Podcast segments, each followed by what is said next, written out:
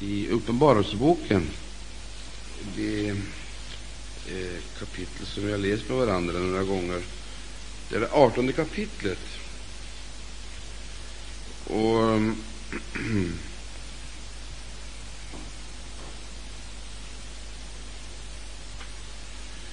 Det börjar ju så här sedan, eller därefter såg jag eh, en annan ängel komma ner från himlen. Han hade stor makt, och jorden upplystes av hans härlighet. Och han ropade med hög och han ropade med stark röst och sade, fallet, fallet är det stora Babylon, och så vidare. Därefter såg jag en annan ängel komma ner från himmelen. Han hade stor makt, och jorden upplystes av hans härlighet. Och går vi till det nästa kapitlet, i det nittonde kapitlet sålunda, då sägs det så här: Sedan hörde jag likasom starka röster av en stor skara i himlen som sade Halleluja! Frälsningen och äran och makten tillhöra vår Gud. Det är alltså inledningen till det artonde kapitlet och sedan inledningen till det nittonde kapitlet. Och upptakten här till det artonde kapitlet det är ju egentligen alldeles förfärlig. Och den är dessutom väldigt svår att tillgodogöra sig, eftersom språket är så helt annorlunda än det vi är vana vid.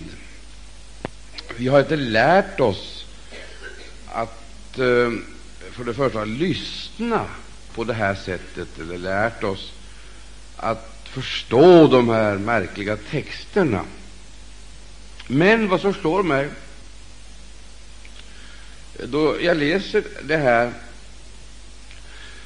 det är att detta uppenbarligen är ett helt, ja, helt alldeles utomordentligt verk av himmelen. Det vill säga, detta är ett direkt ingripande från himlen. Och vi har ju väldigt många föreställningar om hur himmelen uppenbarar sig i tiden. Vi brukar tala om väckelser som går fram över mänskligheten, väckelser som kommer och som förvandlar och förändrar kolossalt mycket i tiden. Men här läste vi, här läste vi om en ängel som kom ner från himlen, som hade stor makt, och jorden upplystes av hans härlighet. Alltså en ängel som kom ned från himlen, och jorden upplystes av hans härlighet. Och sedan, då denna ängel uppenbarligen har utfört sin mission, så återförs vi till ursprunget, till då får vi höra i himmelen, sägs det i nästa kapitel. Sedan hörde jag liksom starka röster av en stor skara i himmelen som sade Halleluja, frälsningen och äran och makten tillhöra vår Gud. Det är alltså frågan om ett himmelskt ingripande. Det är helt uppenbart. Och därför tycker jag det är väldigt väsentligt att man läser sig förstå vad det här kan handla om. Vi blir informerade om dessa ting för att vi inte på något sätt ska överrumplas eller överraskas, utan vara väl förberedda.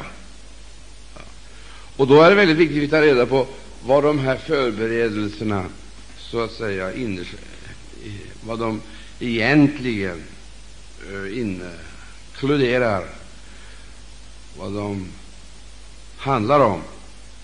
Sen när detta har utförts då utbrister man i himlen ett halleluja, vilket då ger klart besked om dels resultatet, det var segerrikt, men dessutom att det här är ett positivt budskap.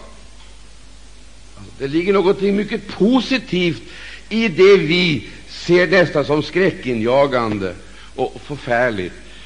Himlen säger halleluja. Och därför tror jag oändligt betydelsefullt att vi förstår att när vi nalkas en text av den här karaktären så måste vi förstå så att säga, vem har inspirerat den och varför. I vad mån angår det här oss nu eller framdeles?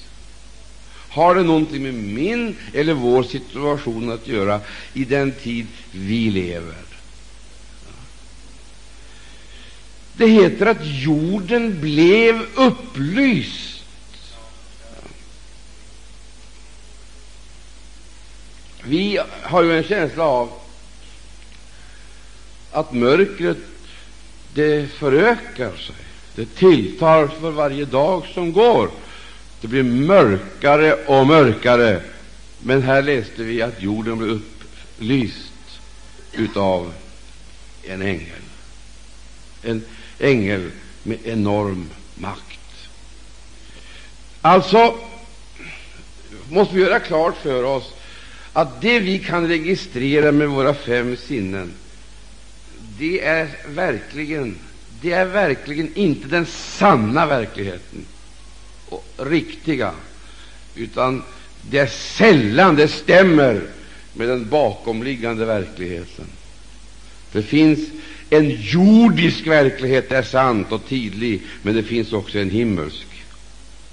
Det finns en himmelsk verklighet, och den ser helt annorlunda ut. Och Därför är det så oändligt betydelsefullt att vi som kristna bli orienterade, så vi vet vad himlen har att meddela. Eller som det sades i de fem sändebreven, att det är frågan om att höra, att höra vad Anden säger till församlingarna. Vad säger Anden i dag till Guds församling? Vad säger Anden till oss som sitter här? Är vi öppna? Har vi öppna öron så vi kan höra? Är vi överhuvudtaget mottagliga, så känsliga så vi kan ta emot vad Anden har att säga och sedan också förverkliga detta eller lyda vad Anden säger? Jag vill poängtera en gång till att när människor talar om det positiva och negativa så bedömer de det så fruktansvärt ytligt. De bedömer det med vanliga vetenskapliga eller mänskliga instrument. Det har sällan så att säga, något djup, ännu mindre någon höjd. Det saknas flera dimensioner. Man saknar förmåga att kunna eh, bedöma tingen verkligt sant och eh, i överensstämmelse med vad ordet lär och säger. Därför vill jag en gång till betona när det artonde kapitlet inleds, där det står att det är frågan om Babylons fall, så finns det i det här någonting alldeles fantastiskt underbart. Det, det, är någonting, det är någonting obeskrivligt underbart. Även om denna process fram till detta oerhörda tillfälle, detta sammanbrott, är outhärdlig, kan förefalla vara helt oöverkomlig. Det finns ingen möjligheter att komma igenom, men det gör det. Gud var evigt lov. Tror du det, så säger jag amen. Det finns möjligheter att komma igenom. Men så är det då frågan om att kunna orientera sig. Och då eh, tycker jag det här eh, är så avslöjande. Det är så oerhört avslöjande att det börjar på det här sättet. Det är fallet. Fallet är det stora Babylon.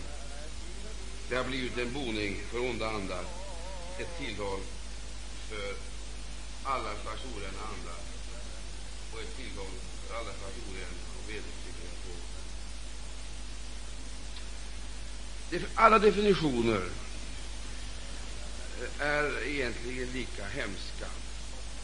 Alla kategorier som vi möter i den här komprimerade texten är lika otäcka. Och det är ingen som på något sätt längtar efter ett eh, möte eller ett närmande eller någon som helst kontakt med de här fenomenen eller företeelserna. Alla upplever vi nästan skräck och fasa inför den här typ av osynliga krafter.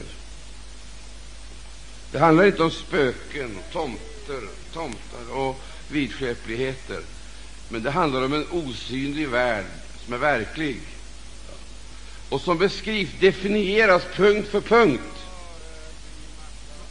När Bibeln talar om eh, demoner, så är det demoner. Det är inget eh, uttryck, lånat uttryck för någonting annat än vad Bibeln säger det vara. Det är demoner.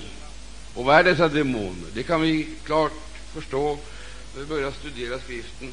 Det är alltså frågan om andar som har lämnat kroppar, alltså kroppslösa andar som är ute och söker efter bostäder eller bostad. Det är demoner som har bott, bott i människor som har gått hedan. Och där de här eh, demonerna som ständigt uppenbarar sig i alldeles speciellt religiösa sammanhang. Eh, och därför när Bibeln talar om demoner på det här sättet, så heter det att det har blivit en boning för demoner.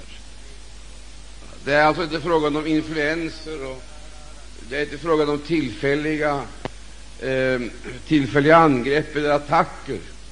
Det är frågan om besättelse, ockupation. Det är alltså inte frågan om andemakter som irriterar och stör, utan det är frågan om andemakter som behärskar och dominerar. Det vi ha klart för oss. Det är inte fråga om tillfälliga kaotiska förhållanden eller tillfälliga sjukdomstillstånd eller tillfällig oro eller tillfälliga plågor, utan det är någonting konstant. Helt enkelt därför att människan har upplåtit bostad åt dessa makter. Då har du två saker, eller tre kanske till och med, som är mycket intressanta. Det är alltså människan såsom individ, men det är också frågan om strukturer och system. Det vill säga det hon skapar, det hon åstadkommer, det hon bygger, det är ett direkt uttryck för det som bor i hennes väsen, det hon bär, det det hon styrs av. Och därför så ska vi göra klart för oss att varenda människa, varenda människa på denna jord som lever i den här världen är inte bara andeinfluerad, men demonbesatt. Det är det skriften säger, att denna andemakt som är verksam i de ohörsamma, verksam i de ohörsamma, och när man talar om det här så är det klart att man kan bli oerhört deprimerad. Det finns ingen anledning att säga eh, att känna sig speciellt glad över detta fenomen. Och ändock så är det en välsignelse i att detta blir uppenbarat, för då kan människan bli hjälpt. Men det stora problemet det är att just detta faktum lyckas andevärlden så att säga kamouflera, dölja och hemlighålla, som människan menar sig vara fri och självständig, då hon egentligen är träl, träl och vanligtvis förslavad och behärskad för att tjäna den makt som bor i henne. Och det är aldrig oskyldiga företeelser, aldrig oskyldiga företeelser, fast det kan se väldigt olika ut. Ibland så finner vi det här i civiliserade former, andra gånger i primitiva. och vi kan av den ena eller andra anledningen välja det ena framför det andra. Men oberoende av vilken nivå, vilken utvecklingsnivå det här representerar, så är det alltid frågan om någonting förfärligt.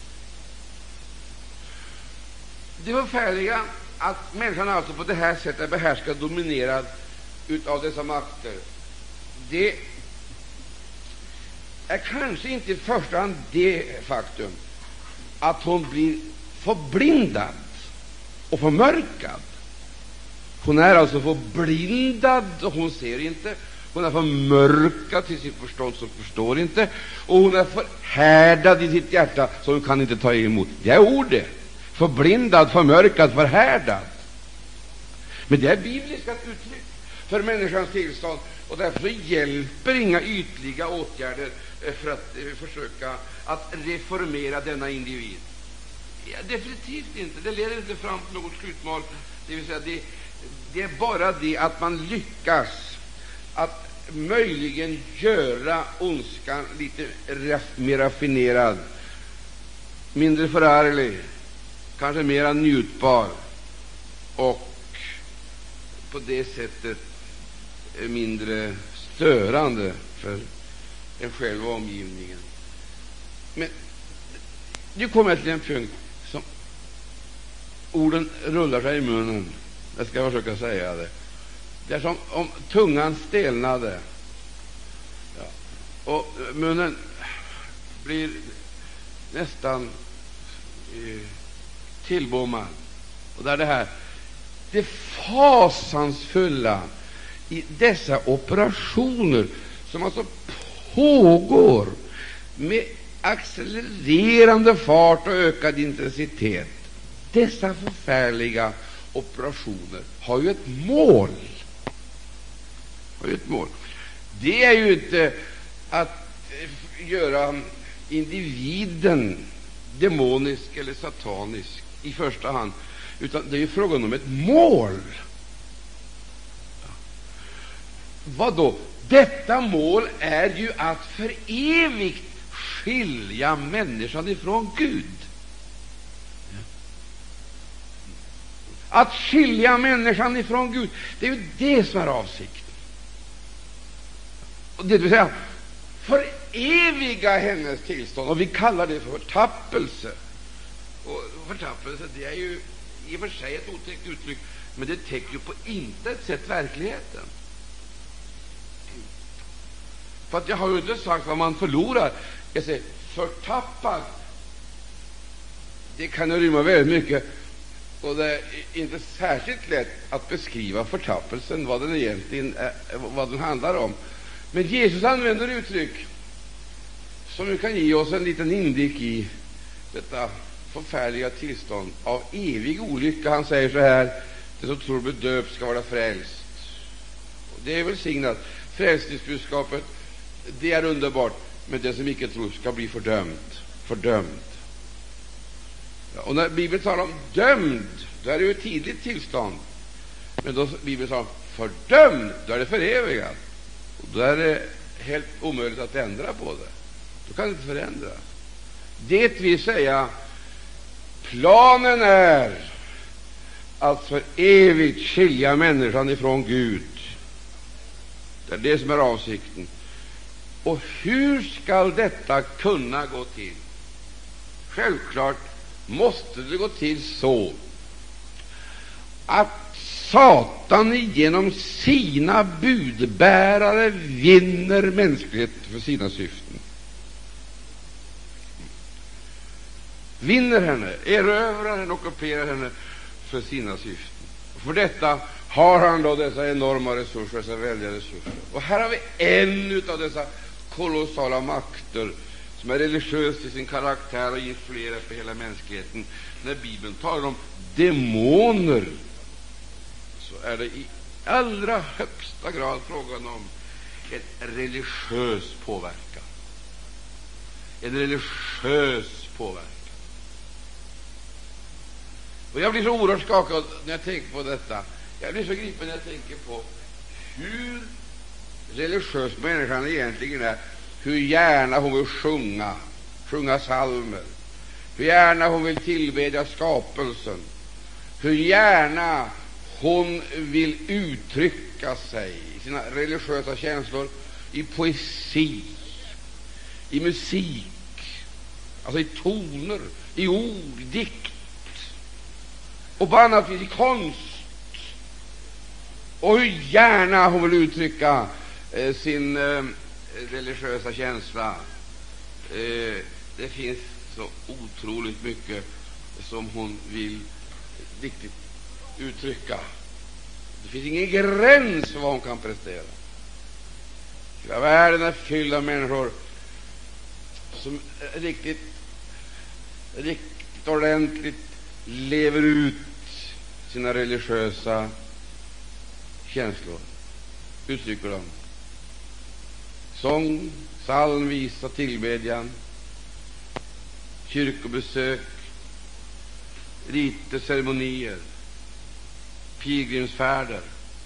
Oh, vad människor söker, vad människor ber, tillbeder, tillbeder, eh, tillbeder reliker, helgon och så vidare. Det är miljoner av människor. Den religiösa känslan den är på något vis oerhört dominerande. Vi hittar ständigt nya uttrycksmedel. Men vi läste någonting mer. Det är inte bara frågan om demoner, utan det står också onda andar. Både för onda andar, för orena andar och ett tillhör för alla slags orena och. Och där har vi då idéerna, lärorna, som sprider sig över jorden. Det, det, det, finns ingenting som kan sägas som ligger ute. Ah, det finns ingenting. Du kan ta socialism, kapitalism, liberalism, du kan ta de politiska idéerna, du kan ta ah, filosofierna, du kan ta vad som helst. Alltsammans är influerat just av den här makten. Det är svårt för oss att fatta det, men så är det. Det vackraste som har uttalats på jorden har vanligtvis uttalats av människor som varit berörda av något av det här. Något av det här. Bildning eller vad det är frågan om. Någonting. Naturlig utrustning eller kultur. Natur eller kultur. Så är det influerat och påverkat. Det är oerhört. Du kan gå till konsertsalongerna du kan gå till nöjespalatsen, du kan gå till kyrkorna, till templen, du kan söka dig vad som helst. Och faktum är, det har blivit ett tillhåll för. Och för att känna och uppleva det här så måste man ha en levande livsande. För då känner man i miljön, då känner man i atmosfären, då upplever man. Vad då för någonting? Det som är den dominerande känslan, det är främlingskap. Det är något det är någonting som är främmande. Man hör inte hemma. Jag skulle vilja utveckla det här ytterligare, men jag ska inte ta tid med det. Därför att det, det, det finns inget område det, det, inom vårdsektorn, inom utbildningssektorn, inom kultursektorn inom religionssektorn, inom allt sammans så möter du den här andemakten. Och då du kommer i kontakt med de här företeelserna, antingen för att söka hjälp eller för att besöka någon eller ett annat ärende, så upptäcker du att det är som om det är någonting som inom dig protesterar. Det protesterar. Och du undrar ibland om du inte är riktigt, om du inte är riktigt normal. Överallt där du går så känner du främlingskapet. Och det, ibland kan till och med vara så påtagligt att du sitter på bussen och upptäcker att du bland busspassagerarna på något sätt människor som du vanligtvis inte känner eller har några personliga relationer till, men så upptäcker du ändå att du som svensk ändå är främling. Det är någonting i atmosfären som gör dig till främling. Eller du sitter på tåget, eller du går ut i parken, eller var som helst, och du kommer i beröring med någonting som liksom är typiskt i den här världen, så upplever du främlingskap. Du känner det. Det är påtagligt. Du stör av det, och du undrar är jag riktigt normal. Kan jag vara klok? Och det här är det här är egentligen någonting som de flesta människor är rädda för. För att om man riktigt ordentligt tar itu med det här problemet och bekänner sanningen, då blir man stämplad som fanatiker, idiot, sekterist, svärmare, dåre eller någonting sådant. Man kan helt enkelt inte tala om hur man upplever och förnimmer allt det andra, allt det andra människor sätter värde på, älskar och eh, drömmer om. Jag ska ta ett exempel. Jag vet inte hur du upplever det. När alla människor liksom stressar fram emot julen och tänker nu äntligen kommer julen, då ska vi fira. Och så talar man om högtiderna. Känner nästan grämer och ängslan och upplever nu, fy vad hemskt, det är snart jul. Det är ju inte helt orimligt, det är helt vidrigt. Nu är det snart jul igen. Och man, man, man, man, man, man, man, man lite grämer sig alltså och, och tänker, måste man komma igenom också den här julhelgen? Det, det är en plåga helt enkelt. Julhögtiden det är en plåga för de flesta människor. Det är faktum. Och för de kristna alltså, så blir det vanligtvis en plåga. För att de kan ju, levande kristna trivs ju inte i julotter eller mässor. De kan ju inte sjunga julsångerna eh, så där traditionellt och tycka att det här är, eh, så, det här är så välsignat och så rikt. Tvärtom, de känner tomhet inför det. Och ibland, om man ger rum för de här tankarna, då undrar man egentligen vilken andemakt det som stimulerar människorna att bete sig så här narraktigt. För det är ju narraktigt. Gå upp klockan sex på juldagsmorgonen och gå till ett tempel och sjunga samma psalmer år efter år och höra ungefär samma saker som inte är någonting. Ingenting. Det är ingenting. Det är bara en dekoration. Ingenting har ingenting som värde. För om det hade värde, då skulle det förändra människorna. Då skulle de bli förändrade, men det blir de ju inte. I varje fall inte det bättre. Vad som sker det är ju det att de blir mer tillgjorda och mer konstlade. Ni får ju vara tacksamma för julskinkan, för om inte den funnits, vad skulle man då göra?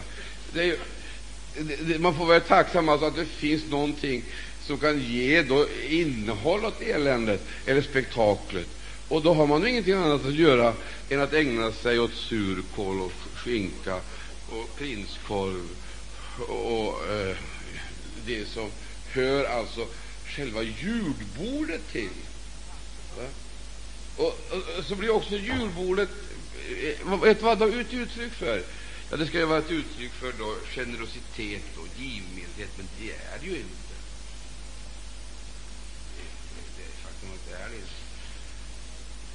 Det här, allt detta beror ju på att man saknar, man saknar en verklighet. Man saknar ett verkligt innehåll. Man saknar mening. Och därför måste man ta till alla de här medlen och göra det så dekorativt eller innehållsrikt som möjligt och vanligtvis så lyckas man dåligt med alla sina tappra försök. Och då det inte går med de här sakerna så får man då ta till, då får man ta till spritdrycker eller eh, andra saker. Och de troende de får hitta på sina nöjen. Nöjen.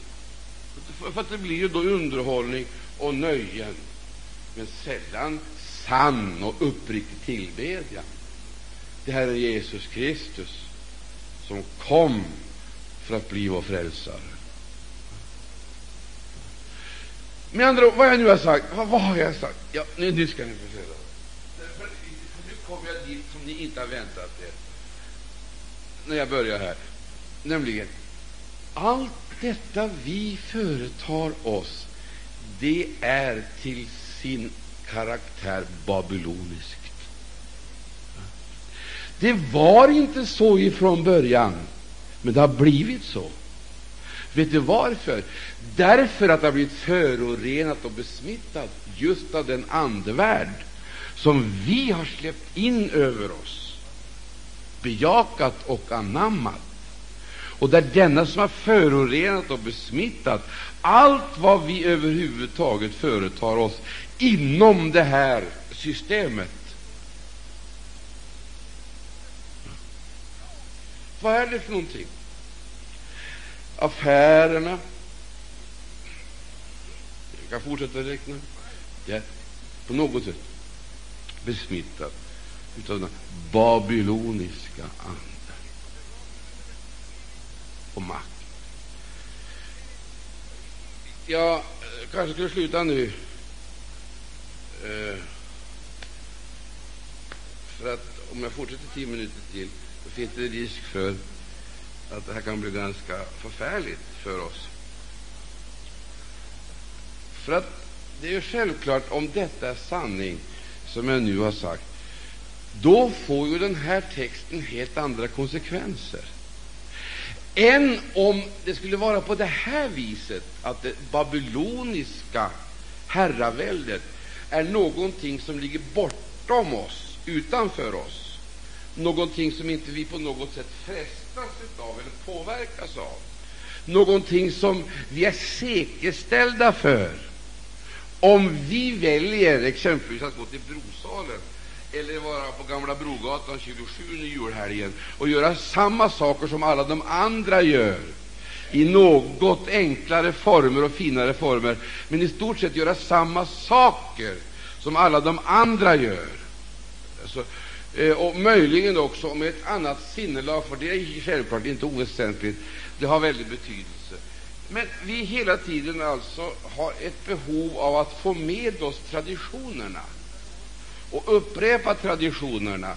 Och, men vi säger så här att vi gör det i Jesu namn. Men jag vet inte vilken rätt vi har att använda traditionerna på det sättet i Jesu namn. Jag kan inte hitta att vi har de rättigheterna. Det är alltså ganska egenmäktigt att försöka kristna hedniska traditioner och göra det i Jesu namn. Jag kan inte borde säga något mer därför att det blir ju inget roligt. Det blir nästan förfärligt om vi ska börja granska vårt eget beteende utifrån de värderingarna, då är det ju inte så särskilt mycket kvar. Då är det ju inte så särskilt mycket som man egentligen kan, kan göra anspråk på eller utnyttja. Va? Och har vi inget annat förklarings möjligheter brukar vi säga, men låt oss tänka på barnen. Det är ju ett tacksamt argument, för det är ju avväpnande. Då har vi sagt att vi vill ju inte ha det här, men vi måste ju göra det roligt för barnen. Som om alltså det inte funnes någon möjlighet, vare sig för vuxna eller barn, eller för gamla eller unga, att komma ur det här. Det finns inga möjligheter att komma ur det. Det har vi ju gjort oss, vi, vi har gjort oss till specialister på det här området. Vi förklarar på hundratals sätt att så här är det och så här måste det bli, för det finns ingen väg ut ur det. Och jag funderar, ska jag tala om för er, ibland så skallen spricker. Och jag funderar, kan detta vara sanning? Alltså, är det här sanning? Och jag vill vara väldigt försiktig när jag uttalar mig, för det kan ju drabba människor väldigt hänsynslöst. Om man har barn, så är det frågan om finns det någonting som barnen bättre behöver. Gör det.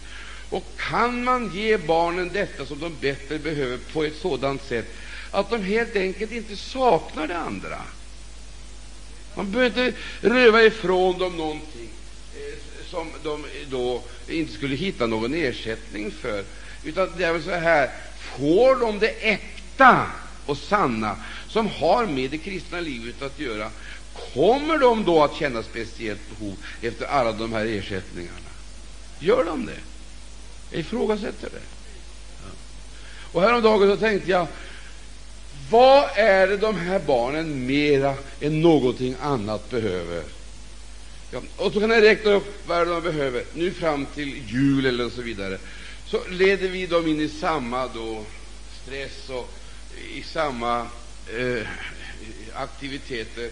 De ska nu sätta igång med förberedelser, julförberedelser med alla de här tingen för att det ska kulminera då på julafton och för att de flesta ska bli besvikna. Låt oss tänka oss att det skulle finnas en möjlighet att vända på det här radikalt. Så barnen istället blev döpta i den heliga Ande döpta och börjar tala i tungor och prisa Gud, börja lova Jesus. Jag vill inte säga att de upphör att leka med bilar och så vidare, för det det är mycket möjligt att den leken kommer att fortsätta, men den kommer i alla fall att fortsätta på ett annat sätt. Leken kommer att fortsätta på ett annat sätt. Jag vill inte heller påstå att vi inte ska äta under julhelgen. Jag vill faktiskt inte ta chansen att föreslå en fasta under julhelgen. Eh, Ganska meningslöst. Men det måste finnas någon väg där detta förfärliga babyloniska väsende alltså, besegras och gemenskapen får ett annat och mer meningsfullt innehåll. Jag vill inte föreslå någonting annat än en förändring till det som är bättre. Men det här halverandet, alltså gå med benen på ett ben på vardera sida, det tror jag är en förfärlig, jobbig, svår situation. Och då tar jag nästa steg. När julen kommer, då ska vi alla åka hem till våra släktingar och till våra familjer. Jag vill inte förneka det att vi har släktingar som vi kanske måste ta hänsyn till.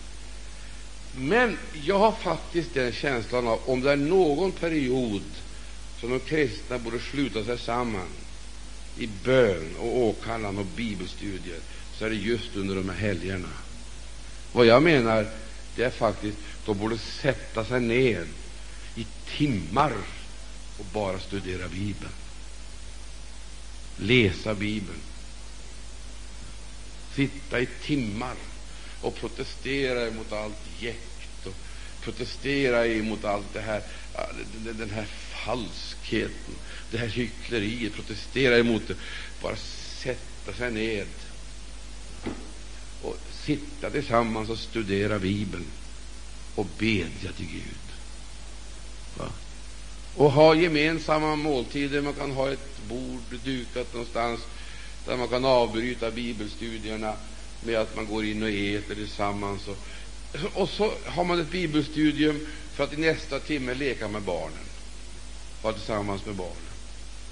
Vad jag vill säga, om det är någon tid vi skulle hålla ihop, riktigt vara tillsammans för att markera distansen till den här hetsen och till det här skrymteriet, så är det de högtiderna. Då skulle vi vara tillsammans och riktigt odla det andliga livet. Men helt plötsligt då blir alla så fruktansvärt vänliga. Då ska de hem till sina släktingar, måste tänka på den och på den och på den och på den. Och när de kommer tillbaka så är de vanligtvis alltså nedbrända. Det tar en månad innan man får fart på dem igen. Alltså, innan de kommer igång igen. För att den sömnaktigheten kommer som ett resultat av detta, så kommer sömnaktigheten och neutraliserar skaran. Och predikanten han predikar och andas, han pustar som en bälg för att försöka få fram ett omvälvs och frälsningsbudskap. Och då har han två saker att välja på: vara ärlig och bära fram budskapet och ta upp kampen, eller också leka med de andra. också leka när han predikar och göra budskapet hurtfriskt och lätt och så alla kan ha roligt och så vidare. Så går han upp och känner och ångest och grämelse och vämjelse över att han har varit en opportunist. Lek med då han borde skaka om istället. Är det möjligen på det här sättet att just det här livet är en del av det Babylon som vi har beskrivit, så att vi har bejakat det i lite finare och mer religiösa former, så att vi nästan har gjort det lite karismatiskt? Med hjälp av traditionen och med hjälp av våra egna uppfinningar och hjälp av vår frireligiositet och med hjälp av våra rytmer och sånger så har vi alltså skapat en babylonisk jul som är lite mindre demonisk, lite mindre, eh, men som i alla fall är ett utomordentligt tillfälle för demonvärlden att leka med Guds folk. Varför jag sagt det här nu, det är av tre skäl som jag ska komma till avslutningsvis. För det första ska jag säga så här att jag är väldigt, jag är väldigt fundersam på vad framtiden ska bära sitt sköte. För människor som har hört så mycket men dock är så desorienterade. Det har jag funderat väldigt mycket på. Jag får hoppas att någonting sitter kvar. Men för att läser vi den här skriften, läser vi den här texten, då förstår vi ju vilket språk som här egentligen eh, används. För, lyssna. Hur börjar det? Det börjar med fallet, fallet. Vad är det som sker i det kapitlet? Man börjar med slutet.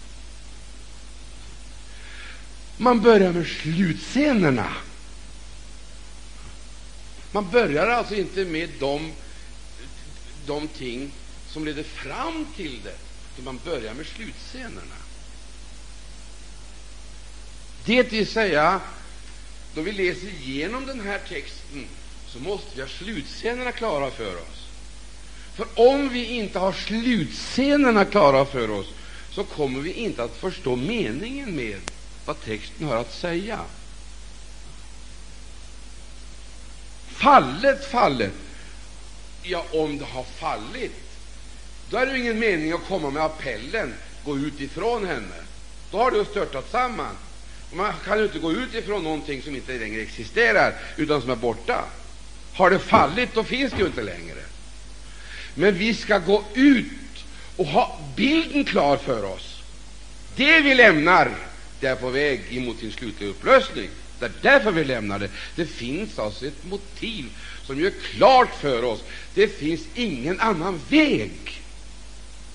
Och så länge vi har alternativ så kommer vi att gå fram på den väg som kostar minst eller verkar enklast och lättast. Men fallet, fallet är det stora Babylon. Det är slutscenerna, det är sista fasen i en sekel eller mångtusenårig utveckling eller urartning. Och nu är den sista generationen framme vid slutmålet. Och det är frågan om hur denna sista generation ska ta sig ut ur denna katastrof, eller om denna generation ska störta samman tillsammans med denna oerhörda babyloniska uppgörelse. Det får jag säga en gång till. Det börjar med fallet, fallet. Vi måste göra klart för allvaret i det vi sysslar med. Alltså, budskapet må få den rätta dimensionen, så vi inte försöker göra det här till ett fredsprogram, ett förlikningsprogram eller ett tänkbart alternativ eller ett försök. Så länge vi har ceremonierna, så länge vi har högtiderna, så länge vi har allt sammans detta som vi på ett eller annat sätt slår vakt om, så kommer det inte att bli något allvar i budskapet. Det kommer inte att bli något allvar finns inga möjligheter att det kan forma oss så länge det finns en möjlighet att komma undan på ett smidigare, behagligare, och bekvämare sätt. Vi måste ha klart för detta vi nu gör är inte motiverat utifrån det vi just ser idag. Det är inte motiverat utifrån det som vi ser för, för ögonen nu, men det är motiverat utifrån det faktum att allt samman ska störta samman, och det ska göra det inom kort. Och när jag kommer hit, som jag har en känsla av att jag upphör att fungera, här, precis här upphör jag att fungera. För här känner jag mig fullständigt jag, jag känner mig helt ur ja, bestånd. Så att, att kunna hitta en eh, hitta ett försvar för det vi sysslar med. Det är klart att jag skulle inte naturligtvis belasta er med det här, för ni har tillräckligt bekymmer ändå förmodar jag. Men eh, jag kan i alla fall säga det. Och eh, Det är ju åtminstone spännande att höra på det. Det får ni ju medge. Eh, det är faktiskt eh, nästan så intressant så att man skulle säga amen till det. Men därför behöver man vara försiktig för att mötet här är snart slut. Och på måndag möter vi en annan vardag än den vi har mött på Gamla Bro på söndag.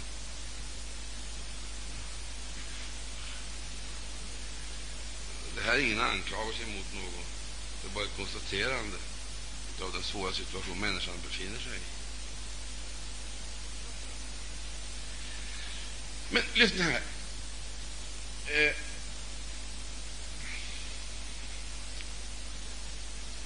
Det finns ytterligare en bit som hör hit. Är det inte så att Bab, det babyloniska världsväsendet det gör oss väl förberedda för att ta emot Antikrist? Är det inte så? Det är just genom det babyloniska världsväsendets undervisning, livsstil, sätt att tillbedja på och andra mönster av tolerans, ekumenik och så vidare. Och det vi också kallar för kultur, samförstånd, eller om vi ska kalla det för diplomati och makt. Allt sammans det här eh, med alla dess religiösa kvaliteter karismatiska fenomen med allt vad det det förbereder oss för att ta emot och tillbedja Antikrist. Gör det inte det? Visst är det väl så? Jag ska berätta en sak för er som jag aldrig varit med om förr. Aldrig. Jag har aldrig någon gång varit med om att vara rädd för stora möten, kampanjer och så vidare. Men det är jag rädd för nu.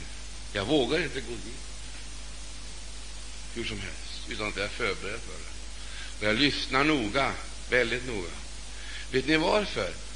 Nu ska ni lyssna noga till vad jag säger. Jag upptäckte nämligen att det finns något gemensamt mellan den suggestiva stämning som finns exempelvis vid boxningar, internationella boxningar, då människorna så att säga samlas i skaror eh, för att då eh, kora en mästare.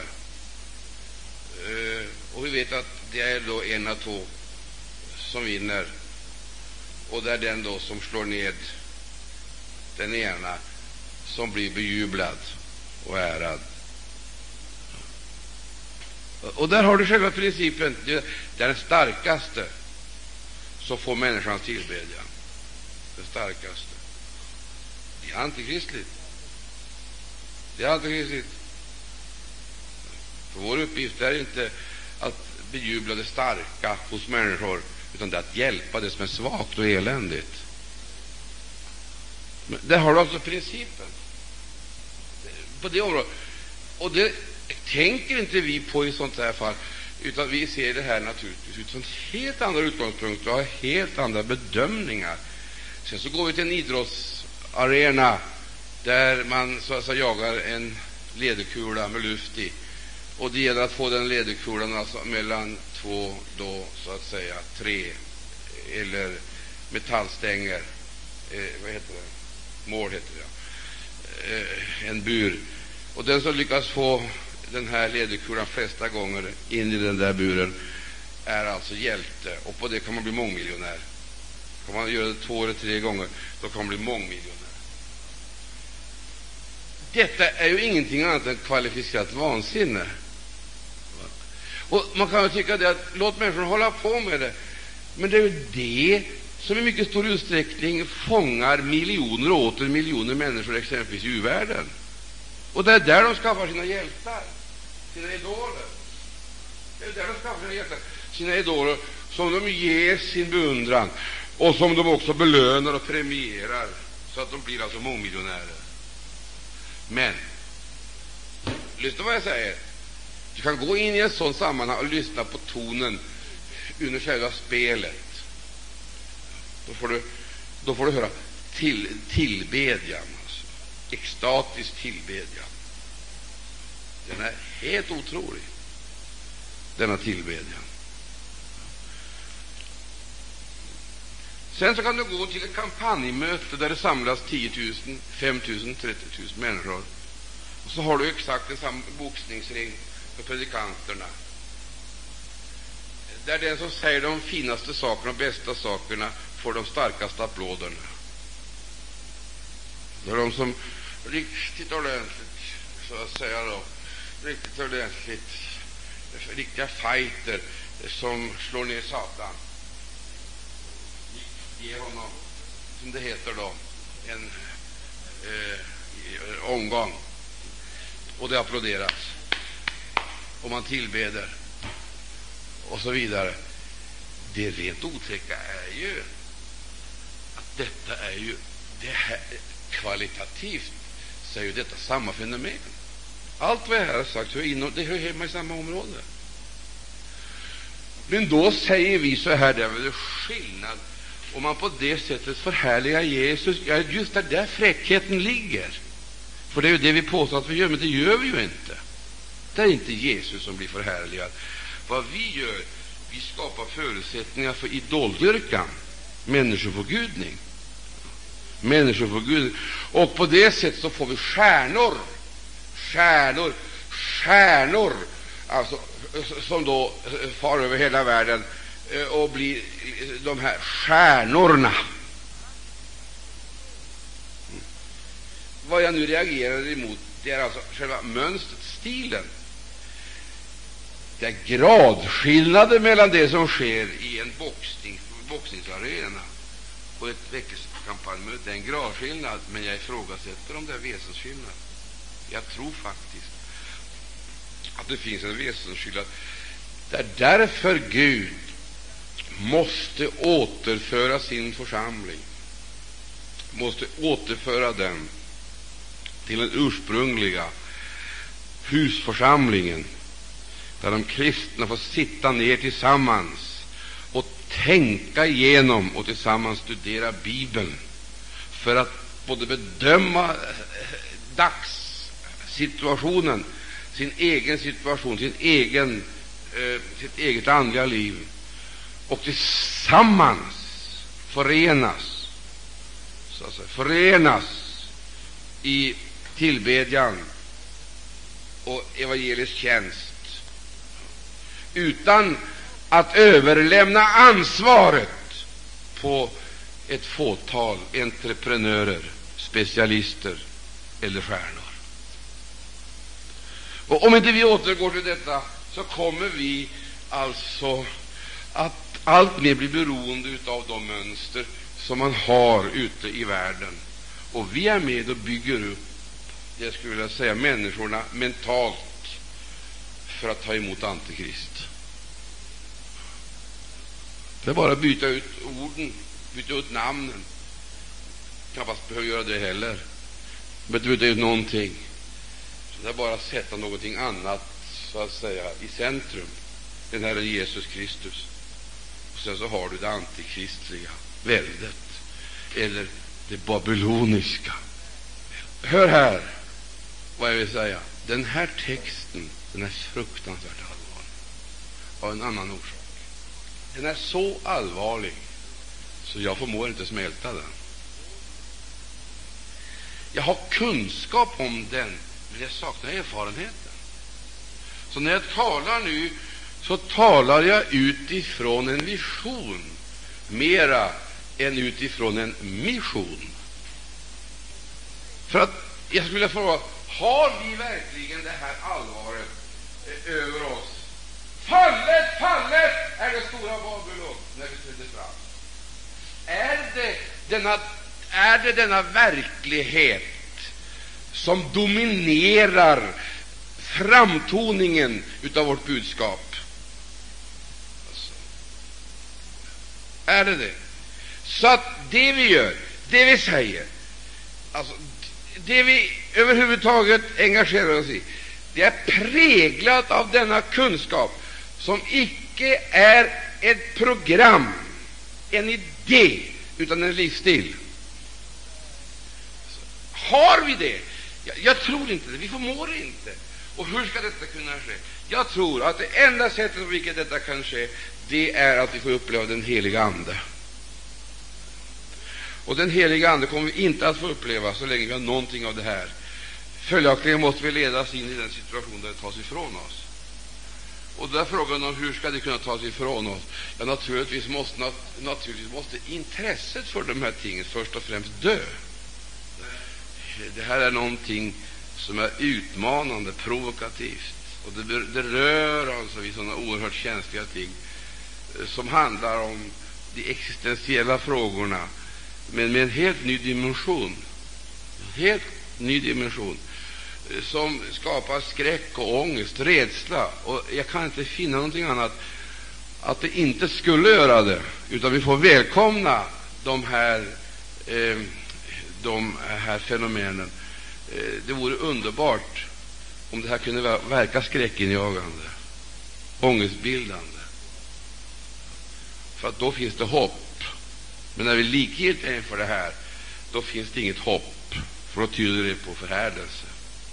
Det, det heter så här dragen ut ifrån henne i mitt folk, så att I icke gör er delaktiga i hennes synder och från eder del av hennes plågor. Här, dragen utifrån henne, då måste jag naturligtvis veta vad jag ska dra utifrån. måste jag veta. Vem är hon? Och så dragen ut, det är frågan om uppbrott. Det är alltså en aktiv handling. Det är inte ett passivt konstaterande mm, eller ett försanthållande, utan det är ju frågan om en demonstration, en proteströrelse, ett uttåg.